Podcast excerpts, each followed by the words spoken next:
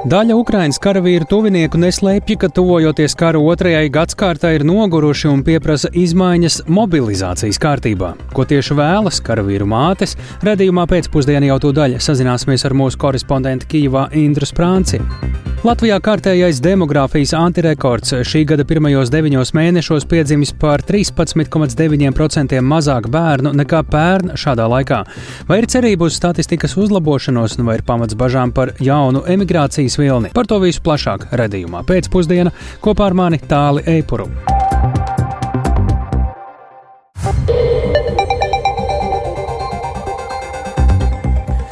Pūkstens rāda 16,5 minūtes. Skan pēcpusdienas ziņu programma, skaidrojot šodienas svarīgus notikumus. Studijā Tālis Eipurs, labdien! Un eh, dažos vārdos par tikko, tikko saņemtu ziņu, ka Latvija šobrīd izskatās, ka ir par soli tuvāk kandidēšanai uz Ziemas Olimpisko spēļu rīkošanu. Ko tas nozīmē, to izstāstīsim plašāk jau raidījuma gaitā, bet sāksim mēs ar kādu citu tēmatu, kas eh, pāršalts Latviju jau vakar vakarā un kam joprojām ir traģiska atbalsts. Kādēļ un kādos apstākļos uz Vēnspils šosejas Mārupes novadā saskrējās viegla automašīna un pasažieru autobus, par to joprojām turpinās izmeklēšana. Policija ziņo, ka sadursmē gāja bojā mašīnas vadītājs un pasažieris. Savukārt autobusā bija 19 cietušie, kas nogādāti slimnīcā.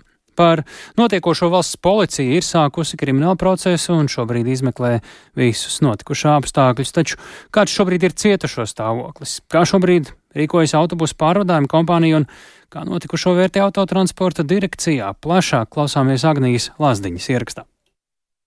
Starp visiem avārijā cietušajiem ir autobusa šoferis un trīs bērni, kas hospitalizēti ar salīdzinoši vieglām traumām. Pieaugušie gūši vidēji smagas traumas, to starp diviem cietušajiem traumas vērtējums kā ļoti smagas. Savukārt abus bojā gājušos valsts ugunsdzēsības un glābšanas dienests notikuma vietā ar hidraulisko instrumentu palīdzību atbrīvoja no automašīnas. Kopumā negadījuma vietā strādāja 13 mediķu brigādes. Autobus, kas cieta avārijā, bija ceļā no Rīgas uz Kuldīgu, un tas pieder reģionālo vietējās un starppilsētu nozīmes pārvadātāju uzņēmumam Latvijas sabiedriskais autobus. Kā norāda uzņēmuma sabiedrisko attiecību vadītāja Māja Lazdiņa, šobrīd tiek gaidīts valsts policijas lēmums, kas skaidri noteiktu vainīgo pusi, un līdz ar to arī uzņēmums varētu rīkoties. Tiklīdz tas būs zināms, tad uh, pasažieri varēs uh, vērsties pie mums, jo mums ir obligāti tāda nu, tiesiskā apdrošināšana, kas palīdzēs atsekt visus ārstēšanās izdevumus.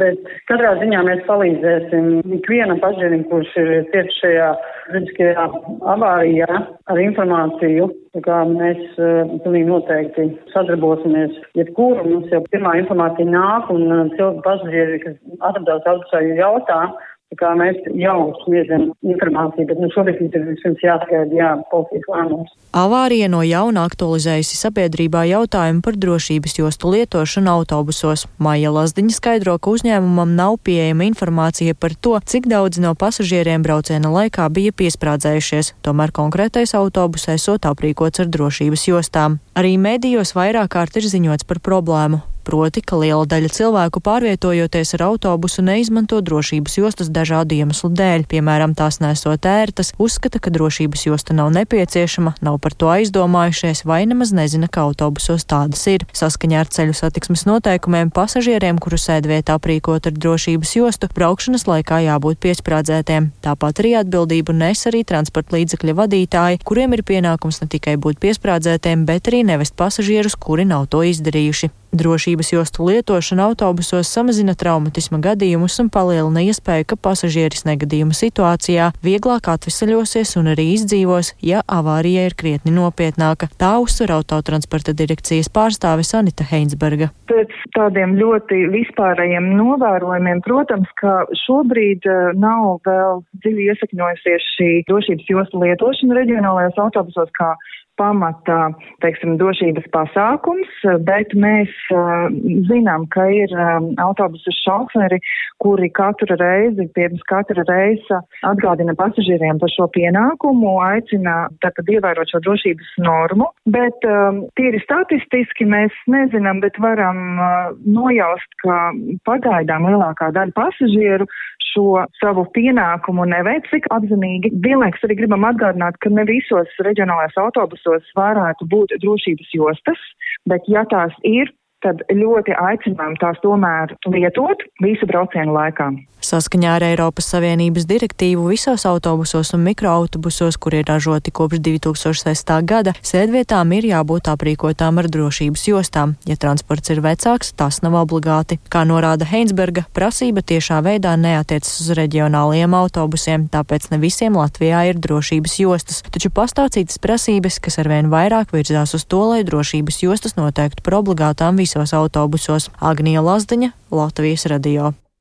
Jā, kā jau minēts, tā statistika par drošības jostu izmantošanu autobusos šobrīd nav pieejama, un arī aptauju dati ir jau pietiekami sēni. Piemēram, pirms četriem gadiem veiktā aptaujā par drošības jostu lietošanu autobusā noskaidrots, ka Latvijā un Lietuvā aptuveni puse cilvēku ir gatavi autobusos sprādzēties, bet Igaunijā par drošību domā vairāk. Tur piesprādzēties ir gatavs 91% pasažieru. Bet drošība uz ceļiem un to kvalitāte bieži vien sākas ierēģņu kabinetos. Rīgas ceļu remontos nav konstatējamas pretiesiskas vai nesaimnieciskas darbības. Tā secināts domas ārtelpas un mobilitātes departamenta auditā. Vienlaikus departamentam ieteikts uzlabot ceļu būvdarbu uzraudzību un kvalitātes kontroli. Te jāatgādina, ka par iespējamiem miljoniem eiro vērtiem pārkāpumiem ceļu remontos šovasar domē notika dienesta pārbaudi un tika ierosināta arī disciplināra lieta. Tieši ielu remonta dēļ šovasar arī sašķēlās Rīgas domas koalīcija un no mēra krēsla atkāpās Mārtiņš Stāķis. Plašāk par auditu ir gatavs stāstīt kolēģis Viktors Demīdovs. Viņš mums jau ir pievienojies šeit studijā. Sveiks, Viktor! Kādi ieteikumi tad ārtelpas un mobilitātes departamentam auditā ir norādīti un kā šo gandrīz nu, jau pusgadu ilgo vētīšanu tad vērtē domē?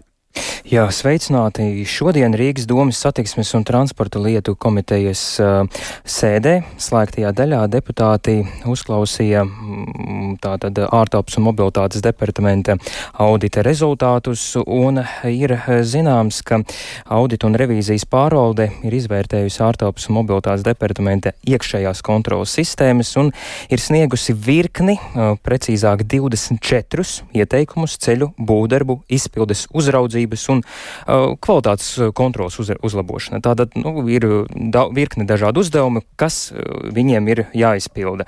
Un uh, tāpat laikā auditā nav gūts apstiprinājums uh, par pretiesiskām vai nesaimnieciskām darbībām, par kurām jau runājām vairāk, pirms vairākiem mēnešiem un uh, pirm, par kuru iespējamiem pārkāpumiem ziņoja kāds anonīms ziņotājs ja, mājā. Un To ziņojumu saņēma toreizējais mērs Mārtiņš Staķis.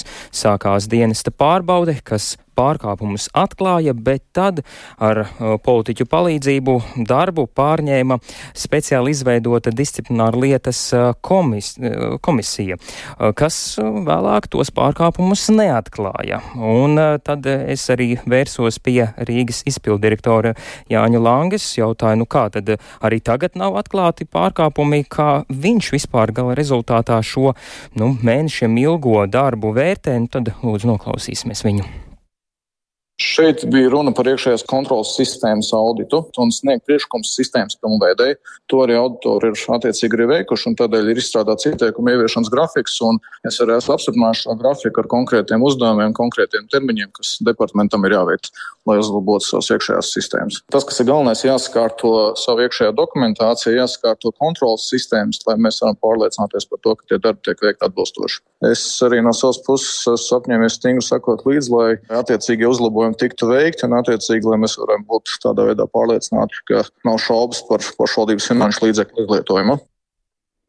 Tālūk Rīgas izpildirektors Jānis Lange. No rīta es vērsos pie Mārtiņa Kosoviča opozīcijas, uh, progre, no, opozīcijas frakcijas progresīvie. Uh, viņš ir tās frakcijas vadītājs, un viņš toreiz arī teica pat no rīta, ka, nu, tajā auditā pārkāpumi tomēr ir fiksēti, un tad rīdznieki par ielu remontiem pārmaksā, un līdz pat 40%. Tā viņš no rīta atzina. Uh, savukārt viņa kolēģi Justīna Panteļējeva, aģentūra Leta tiesa norādīja, ka audita un revīzijas pāraude nevar izteikt savu spriedumu par to, vai darbības ir pretiesiskas vai nav, jo tā vērtēja darbu uh, pārvaldību un uzraudzību, kur savukārt ir konstatēti trūkumi. Savukārt, um, lai saprastu, nu, kā to visu vērtēt domē notiekošo no malas, es vērsos pie Ineses Tauriņas biedrības sabiedrība par atklātību Dāna. Viņa tās biedrības vadītāja, un viņa saka, nu, šo visu procesu un audita izmeklēšanu viņa vērtē diezgan negatīvi. Jo šobrīd rodas iespējas arī pēc tiem publiski izskanējušiem komentāriem un pēc tiem formulējumiem tajā paziņojumā, rodas iespējas, ka tā tad ir vērtētas procedūras, noteikumi un atbilstība tam. Bet jautājums varbūt, ka zinot to drēbi, tādas procedūras un noteikumi patiesībā ir absurdi, nepilnīgi un neloģiski. Un līdz ar to tie pārkāpumi patiesībā tur, nu, pārkāpumi, protams, nē, jo tur atbilstoši procedūrai viss. Līdz ar to mēs tad redzētu pēc būtības, ka ir iespējams reformēt šo visu departamentu un viņu darbību. Jo šobrīd nekādā, ne no publiskās retorikas, ne no tām darbībām un domas nerodas iespējas, ka tiešām līdz kaulam eh, viņi vēlas saprast, kas tur notiek, paskaidrot iedzīvotājiem un būtiski uzlabot darbību. Tālūk, Inese Tauriņa, biedrības sabiedrība par atklātību dēlna vadītāja, un tagad tad, tātad ārtelpas mobilitātes departamentam eh, tie 24 uzdevumi ir jāveic, nu, ir dažādi termiņi, Langs kungam uzdevu, nu, kāda ir varbūt tas konkrēts datums, nē, konkrēta datuma nav, ir kādi darbi jāveic līdz novembrim, ir kādi līdz gada beigām, ir, ir dažādi uz priekšu, citi darbi, nu, eh, kā piemērs arī minēts, auditori iesaka ieviest pašvaldībā kārtību, kādā plānveida remontdarbi vietās, kur ceļa segums noziegums nav avārijas stāvoklī, nu, ir sakārtojumi prioritārā secībā, un lai ņemot vērā ierobežotos, tos, uh, ierobežoto naudu, to izlietojums notiktu iespējami efektīvāk. Nu, uh, respektīvi, tad uh, nu, sekosim līdzi, kā domas, uh, domas departaments šo visu uzlabo, un Langas kungam es uzdevu, nu, ja nebūs tas izdarīts, kādas, kādi būs tie secinājumi, viņš ļoti kodolīgi pateica, es to nepieņemu. Tā tad uzdevu jautājumu, tad būs kādas sankcijas, nu, tad jau skatīsimies. Paldies eh, Viktoram Demidovam. Runājot par auditu attiecībā uz Rīgas eh, ielu remontiem, bet uh, Mēs turpinām raidījumu pēcpusdienu un šobrīd pievēršamies eh, svar, svarīgiem stāstiem Ukrainā. Turpinoties pretuzbrukumam Ukrainas bruņotajiem spēkiem pēdējo dienu laikā ir izdevies nedaudz pavirzīties uz priekšu Dņipras kreisajā krastā Helsonas apgabalā, taču citādi būtisku izmaiņu frontē nav un pilna apmēra karam tuvojoties otrajai gads kārtai daļa karavīru tuvinieku pieprasa iespēju karavīriem pēc noteikta frontē pavadīta laika demobilizēties. Plašāk par to esam sazinājušies ar Latvijas radio korespondentu Ukrainā Indru Sprānci. Sveika, Indra! Kas ir tas, ko vēlas Ukraiņu karavīru tuvinieki? Labdien! Jā, šobrīd, kad uh, pilna apmēra karš Ukrainā pamazām tuvojas otrajai gadskārtē, ir jaušams tāds kā nogurums no kara arī šeit Ukrainā, un nogurums ir arī tajās ģimenēs, kuru tuvinieki vīri, dēli šobrīd karo un aizstāv Ukrainu. Un vakar Kīvā un citās Ukrainas pilsētās bija kopā sanākušas karavīri mātes un sievas, un viņas bija sarīkojuši tādus kā protesta piketus, prasot pieņemt likumu, kas ļautu visiem karavīriem, kas vēlas demobilizēties, tātad atstāt armiju pēc tam, kad karā pavadītu vismaz 18 mēneši. Paklausīsimies mazu fragmentiņu no vakardienas piketa Kīvā, uz kur bija sanākuši aptuveni 100 cilvēki. Pamatā tās bija sievietes.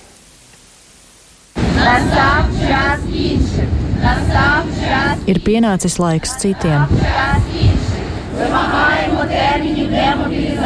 Pieprasām termiņus demobilizācijai.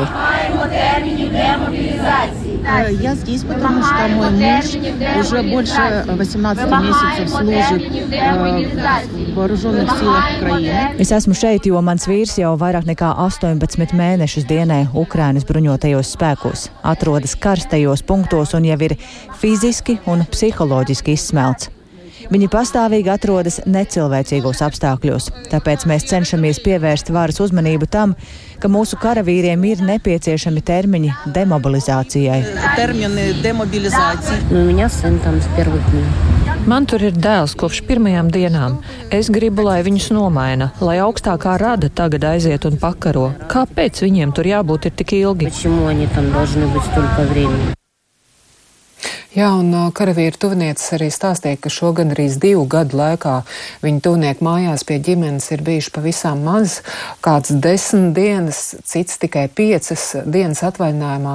Pārējā laikā viņi visu laiku ir frontē un uz brīvdienām viņi tiek palaisti uz rotāciju, bet parasti tas tiek tās tiek pavadītas frontes pievārtē, tuvāk frontē esošajās pilsētiņās, kur pārsvarā tuviniekiem tāpat nav iespēja pavadīt laiku ar saviem mīļajiem, un tas viss skaitē arī pašiem karavīriem. Ģimenes atzīmē, ka ir svarīgi rūpēties nevien par karavīru fiziskajām vajadzībām, bet arī par psiholoģisko stāvokli, un, un tik ilgi atrodoties frontē un dienot vietām ļoti necilvēcīgos apstākļos, tāpēc kā risinājumu viņas uzskata būtu jārada likumīgi iespēja pamest armiju pēc tam, kad ir nokarot ievērots noteikts laika termiņš. Piemēram, šajā gadījumā sievietes uzskata, ka tādai iespējai jābūt pēc 18 mēnešiem, kas pavadīti pilnā apmēra karā. Un sievietes arī atgādināja par visas sabiedrības atbildību par to, cik um, nu, cik Ukraina bija vienota vispārējā iebrukuma sākumā, un tagad karā būtu jāiesaistās daudz plašākam cilvēku skaitam, nevis bezgalīgi izmantojot esošo resursu, kas ir aptuveni miljons mil militāru personu. Tāli? Jā, Indra, situācija noteikti nav vienkārša, un pareizās atbildes, kā tad īsti jārīkojas, varbūt arī nemaz nav, un tomēr ir jājautā, vai ir zināms, zināma kāda amatpersona reakcija uz šo iniciatīvu no iedzīvotājiem. Nē, šobrīd uz šo, šiem piketiem vismaz publiski nav bijis nekāda reakcija, bet Ukrainas parlamentā augstākajā radā ir iesniegts likumprojekts, kas paredzētu tiesības Ukraiņiem tikt atbrīvotiem no armijas pusotru gadu pēc mobilizācijas, ja viņi nav izteikuši vēlmi turpināt tātad dienēt. Tāpat ar šo likumprojektu bija piedāvāts eh, piešķirt piecu gadu iesaukšanas atlikšanu tiem, kuri ir demobilizēti un mobilizācijas laikā nokalpojuši maksimālo iesaukšanas termiņu. Kā Kā norāda šī likumprojekta autori, pēc pilna mēroga iebrukuma sākuma armijā pirmie iestājās brīvprātīgie un tie, kur negrasījās izvairīties no pavēstēm. Un tagad šie cilvēki tiek maksimāli eksploatēti, kas tuvnieki ieskatā nav pareizi. Nu, taču pagaidām nav skaidrs, vai šai idejai varētu būt atbalsts parlamentā. Tāda likuma pieņemšana droši vien nozīmētu lielākas pārmaiņas, arī daudz aktīvāku jauno karavīru iesaukšanu, un pagaidām arī nav skaidrs, vai tam ir sabiedrības atbalsts atbalsts. Ukrainas armijā šobrīd var tikt iesauts jebkurš vīrietis līdz 60 gadu vecumam, ja viņa veselība to atļauj. Un uh, jau kādu laiku iepriekš esmu stāstījis, ka daļa Ukraiņu tomēr mēģina izvairīties no dienesta. Ir bijuši gan daudz korupcijas skandālu, kur mēs atceramies iesaucamie mēģina atpirkties komisariāta medicīniskajās komisijās, gan arī Ukrainā ievērojami pieaudzis vīriešu skaits vecuma grupā 30 un vairāk gadi, kas šobrīd nolēmuši apgūt otro augstāko izglītību. Un uh, Ukraiņiem ir aizdoms, ka tādējādi cilvēki mēģina izvairīties no iesaukšanas, jo līdz šim no armijas ir atbrīvot arī studējošie. Taču šobrīd arī šajā jautājumā ir sagatavot likuma grozījumi, kas paredz tātad atcelt mobilizācijas ierobežojumu šiem te studentiem, vīriešiem pēc 30 gadiem, bet arī šis likumprojekts pagaidām vēl nav pieņemts. Nopietna situācija ar šo Ukrainā. Paldies Indrais Prāncei tiešraidē no Kīivas. Aktīvas diskusijas notiek arī par otru mums tuvāko karsto punktu - situāciju Gazā. Šodien ir Eiropas Savienības ārlietu ministru uzmanības centrā. Novirzot vairāk otrajā plānā Ukrainas karu. Svētdien augstais pārstāvis ārlietās Žuzebs Borels mudināja Izraēlu pasargāt Gazas civiliedzīvotājus, kuri atrodas slimnīcās, kā to paredz starptautiskās humanitārās tiesības. Savukārt Latvijas ārlietu ministrs Krišjānis Kāriņš no jaunās vienotības uzskata, ka Eiropai vajadzētu koncentrēt pūliņus uz divu valstu izveidi. Ārlietu ministru sanāksmē Sanāksmē klātienē sako arī mūsu Briseles korespondents Arķoms Konohovs. Ar viņu arī tiešraidē esam sazinājušies. Sveiki, Arķom, kādēļ? Latvijas pozīcija, kuru šajā gadījumā pauž ārlietu ministrs eh, Kariņš, ir, ka Eiropai vajadzētu galvenokārt strādāt pie šo uh, divu atsevišķu valstu, Palestīnas un Izraels izveidas.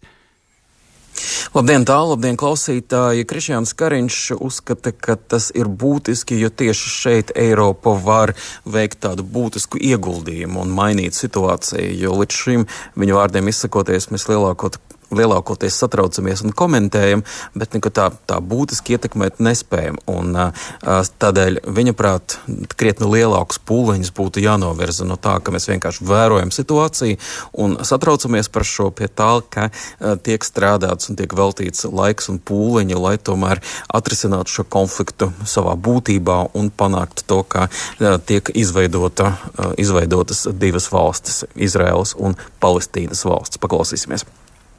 Vienīgais atrisinājums, loģika to diktē, ir divu valstu risinājums. Tik ilgi, kamēr palestīniešiem nebūs sava valsts, ko būvēt, tik ilgi būs frustrācija, bezizēja un terorismu, varētu teikt, jaunie rekruti. Ja likvidēs Hamas, tā vietā varētu nākt kāds cits līdzīgi, kā mēs redzējām ar Al-Qaida un ar ISIL. Tātad te ir mums Eiropā jāspiež uz šādu risinājumu. Tas nav nemaz tik tālu, viņš ir tikai grūti, jo, protams, tad ir jautājums, kas notiek rietumkrastā Izrēlā un kas notiek ar šīm apmetēm okupētajās teritorijās, kur izrēlieši ir ievākušies palestīniešu teritorijā. Bet tas, ka tas ir grūti, nenozīmē, ka par to nav jārunā. Jāsaka, ka arī Spānijas ārlietu ministrs ir pieminējis, ka būtu jārunā par šo risinājumu, un viņš ir arī atkārtojis jau iepriekš izskanējušo ideju, ka ir nepieciešama arī tāda miera konference, kas varētu notikt vai nu Spānijā, vai kur citur, kur abas puses, gan Izraela, gan palestīnieši, varētu tikt nosēdināti pie viena galda, lai mēģinātu rast kādu ilgspējīgāku risinājumu. Tāli. Jā, kāds tur vispār ir šobrīd valstu kopējais vai atšķirīgais noskaņojums, cik vienotas ir Eiropas Savienības valsts attiecībā pret šo Izraels un Hamas konfliktu pat labam? Izraels valsti, Eiropas valstīm nav pārāk viegli atrast kopīgu valodu, to parāda arī dažādi balsojumi, piemēram, ANO. Tiešām vēsturiski te ir dažādi viedokļi par to. Dažas valstis nostājās vairāk palestīniešu pusē, citas uzsver, ka Izraēlai tiesības sevi aizstāvēt, bet tas paziņojums, kas ir nācis no Eiropas Savienības augstā pārstāvā ārlietās Žozepa Borela, svētdien tas zem tā ir parakstījušies arī visi ministri. Tad, tad, tomēr nedēļas nedēļas nogalē ir bijis iespējams atrast kopīgu pozīciju, un tā fokusējās gan, protams, uz to, ka Izrēlai ir tiesības sevi aizstāvēt, gan arī uz to, ka ir nepieciešami steidzami humānie pārtraukumi. Un uh, palīdzībai, kas atrodas pie robežas, ir jānonāk pie cilvēkiem, un ka ir būtiski arī, protams, ka uh, cilvēki netiek izmantoti, kā arī Hamas neizmanto cilvēkus kā uh, aizsegu. Un, protams, mēs runājam par to, ka Izraela apgalvo, ka zem Gazas slimnīcas faktiski ir Hamas galvenā mītne, un ka viņi izmanto šos slimos cilvēkus un arī pārējos civiliedzīvotājus, kas tur atrodas sev kā tādu dzīvu aizsegu. Un arī tas tiek nosodīts. Tā kā kopīgi kopīga pozīcija šobrīd ir, bet niansēs viedokļi tiešām atšķiras, un te ir vēl pietiekami daudz, kas, ko darīt, lai rastu tādu efektīvu pozīciju. Paldies Artimam Konokovam tiešraidē no Briseles, eh, spriežot par, vērojot, sakojot līdzi Eiropas Savienības ārlietu ministru sanāksmei.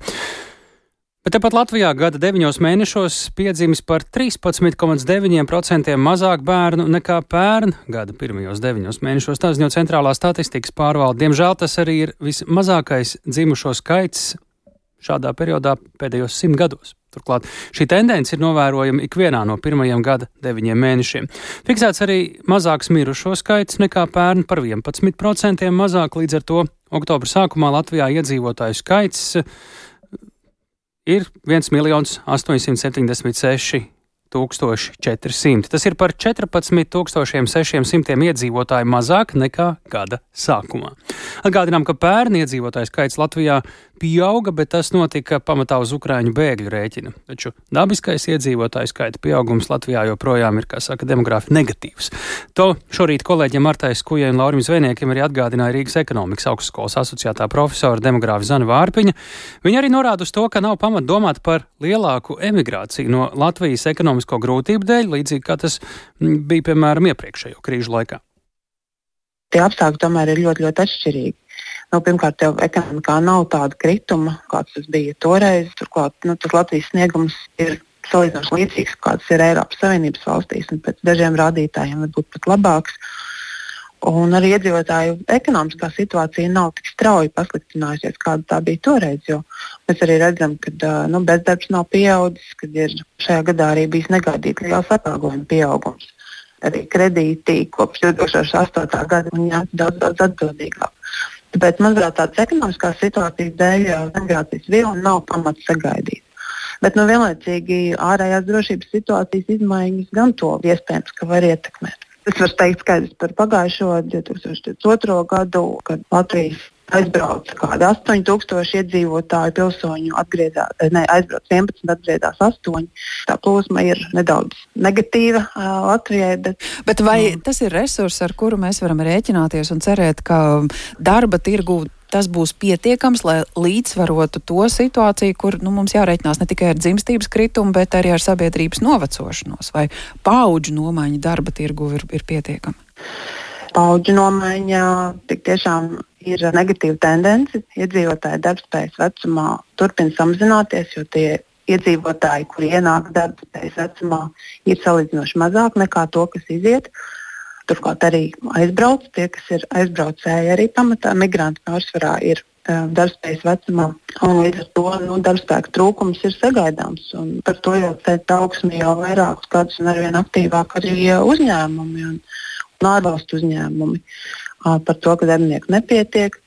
Bet šeit, protams, ir svarīgi domāt un paaugstināt to cilvēku skaitu, kuri ir darbspējas vecumā, bet kuriem vajadzētu kļūt arī ekonomiski aktīviem visiem. Lai tie cilvēki, kuri ir šajā vecumā, arī piedalītos darba tirgu. Bet visā šajā situācijā ir iespējams kaut ko darīt, lai situāciju mainītu. Nu, ja mēs neskatāmies migrācijas virzienā, bet skatāmies tieši uz tiem iedzīvotājiem, kuri šeit jau ir, manuprāt, ir svarīgi, lai tie cilvēki, kuri šeit ir, tiešām strādā un piedalās darba tirgū.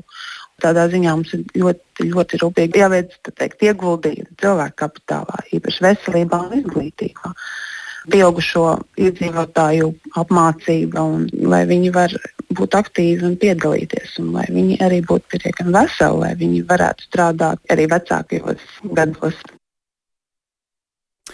Lūk, tā runājot par demogrāfiju, bet visu šo nedēļu starp diviem svētkiem Latvijas radio ziņu dienas raidījumos runājam par cilvēkiem, kuriem šie svētki ir īpaši un kuri tos arī īpaši atzīmē.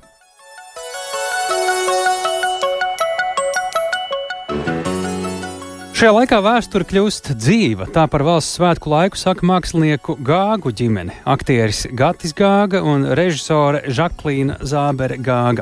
Vēsture viņus savulaik arī abus saved kopā, jo viņi satikās filmas Dvēseļa putenis tapšanas laikā. Abiem senčos ir latviešu strēlnieki, abi ir dedzīgi Latvijas patrioti, un svētku laikā viņiem ir tradīcija doties uz brāļu kapiem un pieminēt Latvijas brīvības cīnītājus. 11. novembra rītā pie Gāgu ģimenes viesojās Baiva Kušķi. Sveiki! Sveiki. Paldies! Gāgu ģimene mani ļoti viesmīlīgi sagaida savā dzīvoklī 11. novembra rītā. Sevišķi iedvesmojošs sagaidītājs ir mazais Walters, kurš uzreiz atplauks platā smaidā un ir ļoti omulīgs un draudzīgs. Viņa vecākiem vakar bijusi ļoti piepildīta diena, jo abiem bija pirmizrādes.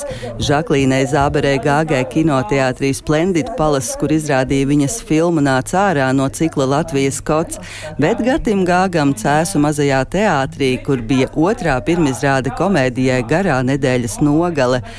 11.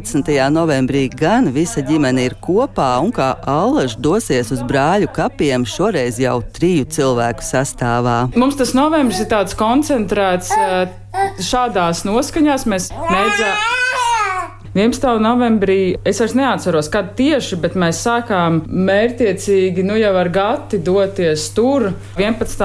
novembra krastmālas vietā mēs svecītas likām brāļa kapos. Mēs izvēlējāmies aiziet uz to vietu, kur tad guļ šie brīvības cīnītāji. Un man viņi vienmēr ir bijuši tādā ļoti īpašā sajūtā, piemiņā, jo man liekas, ka tas viss laiks bija kaut kāds tāds, nu, netik kaut kādā mērā cīnisks ar to, kā ir šobrīd, un ka tur vairāk bija tāds vīrs un vārds, un tie vīri bija tiešām tādi dišciltīgi, un tas ļoti iedvesmo. Jā, es vienmēr atceros to Askolda saulīšu filmu. Tur, kur ir uztaisīta datorgrafika, kur no tiem brāļa kapiem tās dvēseles piecēs vienā brīdī augšā. Un vienmēr, kad mēs aizējām uz tiem kapiem, man tāda sajūta, ka viņi visi tur ir. Man patīk tur aizdoties, un tad es jūtos, ka man ir svētki atnākuši līdz mūsu durvīm.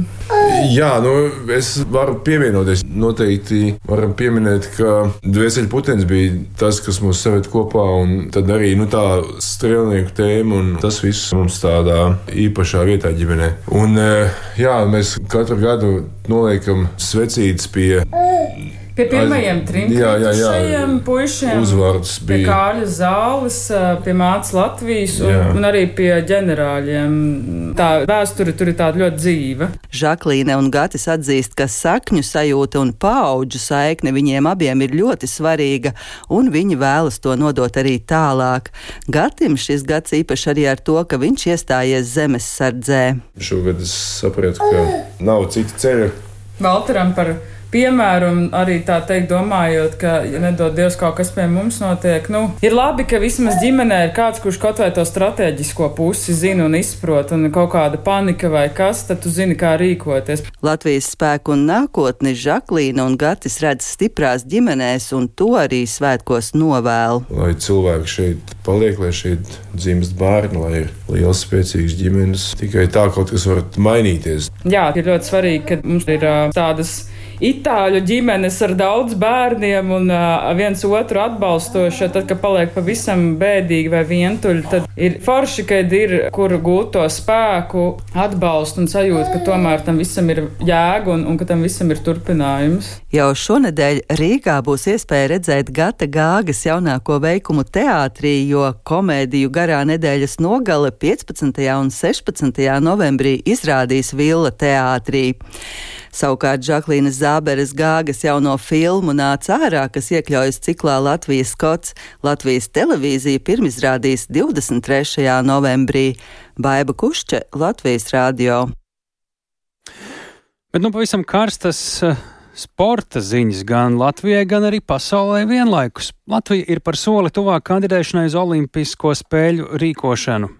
Iemesls - Zviedrijas valdības lēmums atbalstīt šīs valsts pieteikšanos uz 2030. gada Ziemas Olimpisko spēļu rīkošanu, un Zviedrija kā partneri spēļu uzņemšanai uzrunājusi tieši Latviju, nolūkā izmantot Siguldas ledus trasi, kamaniņu sporta, bobsleju un skeletonu sacensībām. Pie mums studijā, lai par to izstāstītu vairāk, šobrīd ir kolēģis Māris Bergs. Māri, nu, ko tad tas nozīmē praktiski šāds paziņojums Zviedru? Jā, nu šodien tātad no Zviedrijas puses ir paziņojums, ka valsts valdības sniegs visas nepieciešamās garantijas, gan finansiālās, gan citas, lai varētu virzīties uz priekšu. Un tātad šobrīd abas puses, pareizāk sakot, abu valstu, Zviedrijas un Latvijas Olimpiskās komitejas varēs sēsties pie sarunu galda un apspriest dažādus praktiskas dabas jautājumus. Bet tagad klausāmies Latvijas Olimpiskās komitejas ģenerālsekretāru Kārlu Lēnieku, kurš mazliet cīkāk šo komentēs jau mēs varam veikt oficiālu ceļu, oficiālā sarunas pie tā, ka galvenais kandidāts partneris ir Zviedrijas valdība ir piekritusi un, un atbalsta šo ieceru. Tā kā mēs tagad beidzot varam oficiāli uzsākt tādas konkrētas sarunas, kā turpināt. Tālāk jau mēs iesaistīsim visus nepieciešamos partnerus, jo, kā mēs atceramies, Siguldas bobsleja, kamaniņa bobsleja skeletona trase ir valsts īpašumā, tā kā nu, valsts būs tiešā veidā iesaistīta. Māris saka, tā tātad Kāras Lēnieks, bet kādas cerības ir, ka Latvija varētu saņemt arī ko vairāk, ne tikai šos renes sporta veidus, kas Siguldā? Jā, no Latvija ir izteikusi vēlmu uzņemt daļu hokeja turnīra, ir bijusi runa arī Mēs par. varam? Jā, noteikti, un ir bijusi daļa arī runa par šortreka sacensībām, taču šie noteikti ir jautājumi, pie kuriem abas puses diskutēs pie sarunu galda un būtu priekšlaicīgi spriest, kas no tā visa materializēsies realitātē. Jā, jo Zviedriem pašiem hokejs patīk, bet vai ir arī vēl kādas valstis, kas vēlas uzņemties šīs 2030. gada Olimpiskās spēles? Kāda ir konkurence? Nu, Pagājušo nedēļu par savu nodomu kandidēt uz tieši šīm spēlēm paziņoja Francija. Tur Olimpisko spēļu centrs ir iecerēts Nīca, kur atrastos Olimpiskais ciemats, mēdīju centrs un notiktu slidošanas veidi. Savukārt Alpu kalnos tad jau notiktu visas pārējās sacensības par kandidatūru uz šīm spēlēm. Šī mēneša beigās lems Šveice un izskan ziņas, ka arī viņi pamazām virzās uz to, lai kandidētu tiešām uz šīm spēlēm, tam ir sabiedrības atbalsts. Tāpat provizoriski interese ir bijusi no ASV pilsētas Salt Lake City, kas uzņēma 2002. gada Ziemas Olimpiskās spēles, taču amerikāņi ir skaidri likuši noprast, ka viņiem labāk pie sirds iet 2034. gada Olimpiskās spēles. Iemesls tam ir pavisam vienkārši. Viņi negrib, lai ir divas spēles ļoti īsā nogriezienī, proti 2028. gada vasaras spēles Losandželosā, nu, un tad būtībā pusotru gadu vēlāk jau būtu Ziemas spēlēm jānotiek. Tāpēc to viņi negrib, tāpēc pagaidām izskatās ir Zviedrija, ir Francija, varbūt būs Šveice kad jātop skaidram tam, kur un vai kā notiks šīs 2030. Gadā, zi gada ziemas spēles? Rīkotājiem patiesībā jau bija jābūt zināmiem kādu laiku iepriekš, oh. taču Startautiskā olimpiskā komiteja šo lēmumu dažādu iemeslu dēļ pārcēlusi, un tagadējais plāns paredz, ka 2030. gada spēļu rīkotāji tiks nosaukti Parīzes Olimpisko spēļu priekšvakarā, kad īsi pirms spēļu atklāšanas nākamajā vasarā, tad Parīzē notiks uh, soku sesija.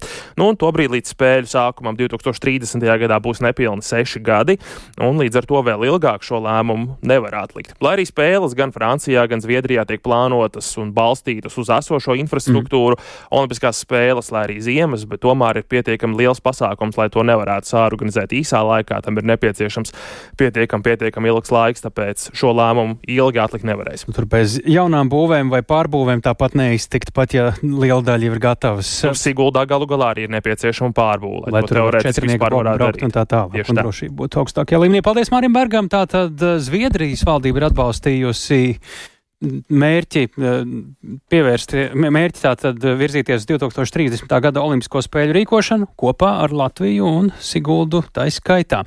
Programmā pēcpusdienā mēs šobrīd pievēršamies eh, vēl karstākam un nepārāk priecīgam tematam, bet arī ļoti svarīgam un interesantam. Īslandē zemestrīces un seismiskā aktivitāte pat laban ir pierimusi, taču lāvas straumi joprojām pazemē ir aktīvi un līdz ar to vulkāna izvirduma draudi Grindavīgas pilsētas apkaimē joprojām ir ļoti augsti.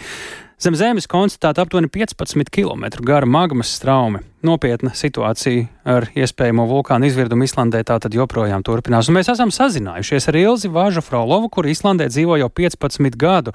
Labdien! Labdien! Kādas ir jaunākās ziņas, ko vietējie dienesti, speciālisti šobrīd ir snieguši sabiedrībai, iedzīvotājiem Islandē par to situāciju, kas saistīta ar iespējamo vulkānu izvirdumu? Patiesībā tādu īsti jaunu ziņu nav. Visi mērījumi rāda aptuveni to pašu, un atliek tikai gaidīt joprojām. Apmēram tas, ko tagad ievadā pieminējām, tas arī ir tas svarīgākais un aktuālais. Tie atgādina, ka tika evakuēta šī Grindavīgas pilsēta vairākiem tūkstošiem līdz četriem tūkstošiem iedzīvotāju, un šodien arī vērojam, ka cilvēkiem uz brīdi ļauts atgriezties savos mājokļos, paņemt svarīgākās lietas, iespējams, ar maidzīvniekiem tik galā.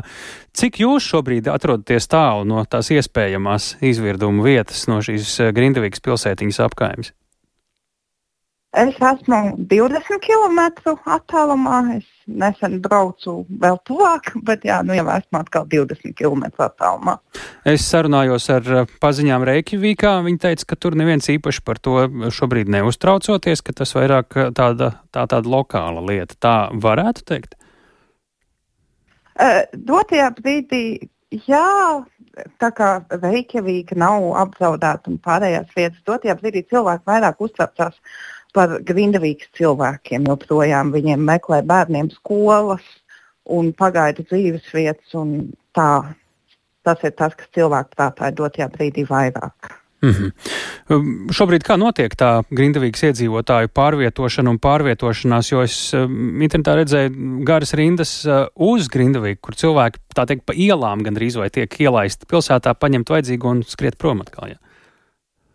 Jā, ir, ir, ir liels lūgums. Drīkst braukt divi cilvēki uh, vienā mašīnā, un ir liels lūgums ātri paņemt, kas paņemams un braukt atkal prom. Lielākai daļai cilvēku viņi paliek pie draugiem, pie radiem, pie paziņām. Daudz cilvēki, sveši cilvēki, piedāvājuši savus brīvos īpašumus, un lielākā daļa cilvēku dzīvo zinām komforta apstākļos. Un tiem, kuri ir ietrūduši sporta zālēs, viņiem ātri tiek meklēts labāks risinājums par to, jo tiek teikts, ka nu, pat ja nebūs izvirdums, tik drīz, ka Vindavīka atgriezties nevarēs. Pilsēta ir arī diezgan bojāta dēļ zemestrīcēm, mm. saplaisājuši ceļi un, un tā.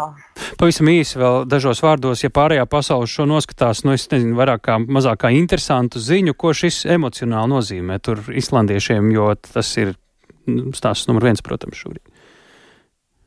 Nu, cilvēki jūt līdzi, tas ir uh, Īslandē Grindavīka kamēr tā nav lielpilsēta, tas tik un tā visiem ir tāda nepatīkama sajūta. Pēkšņi tik daudz cilvēku ir palikuši bez mājām, bez skolām, bez darba vietām daudzi.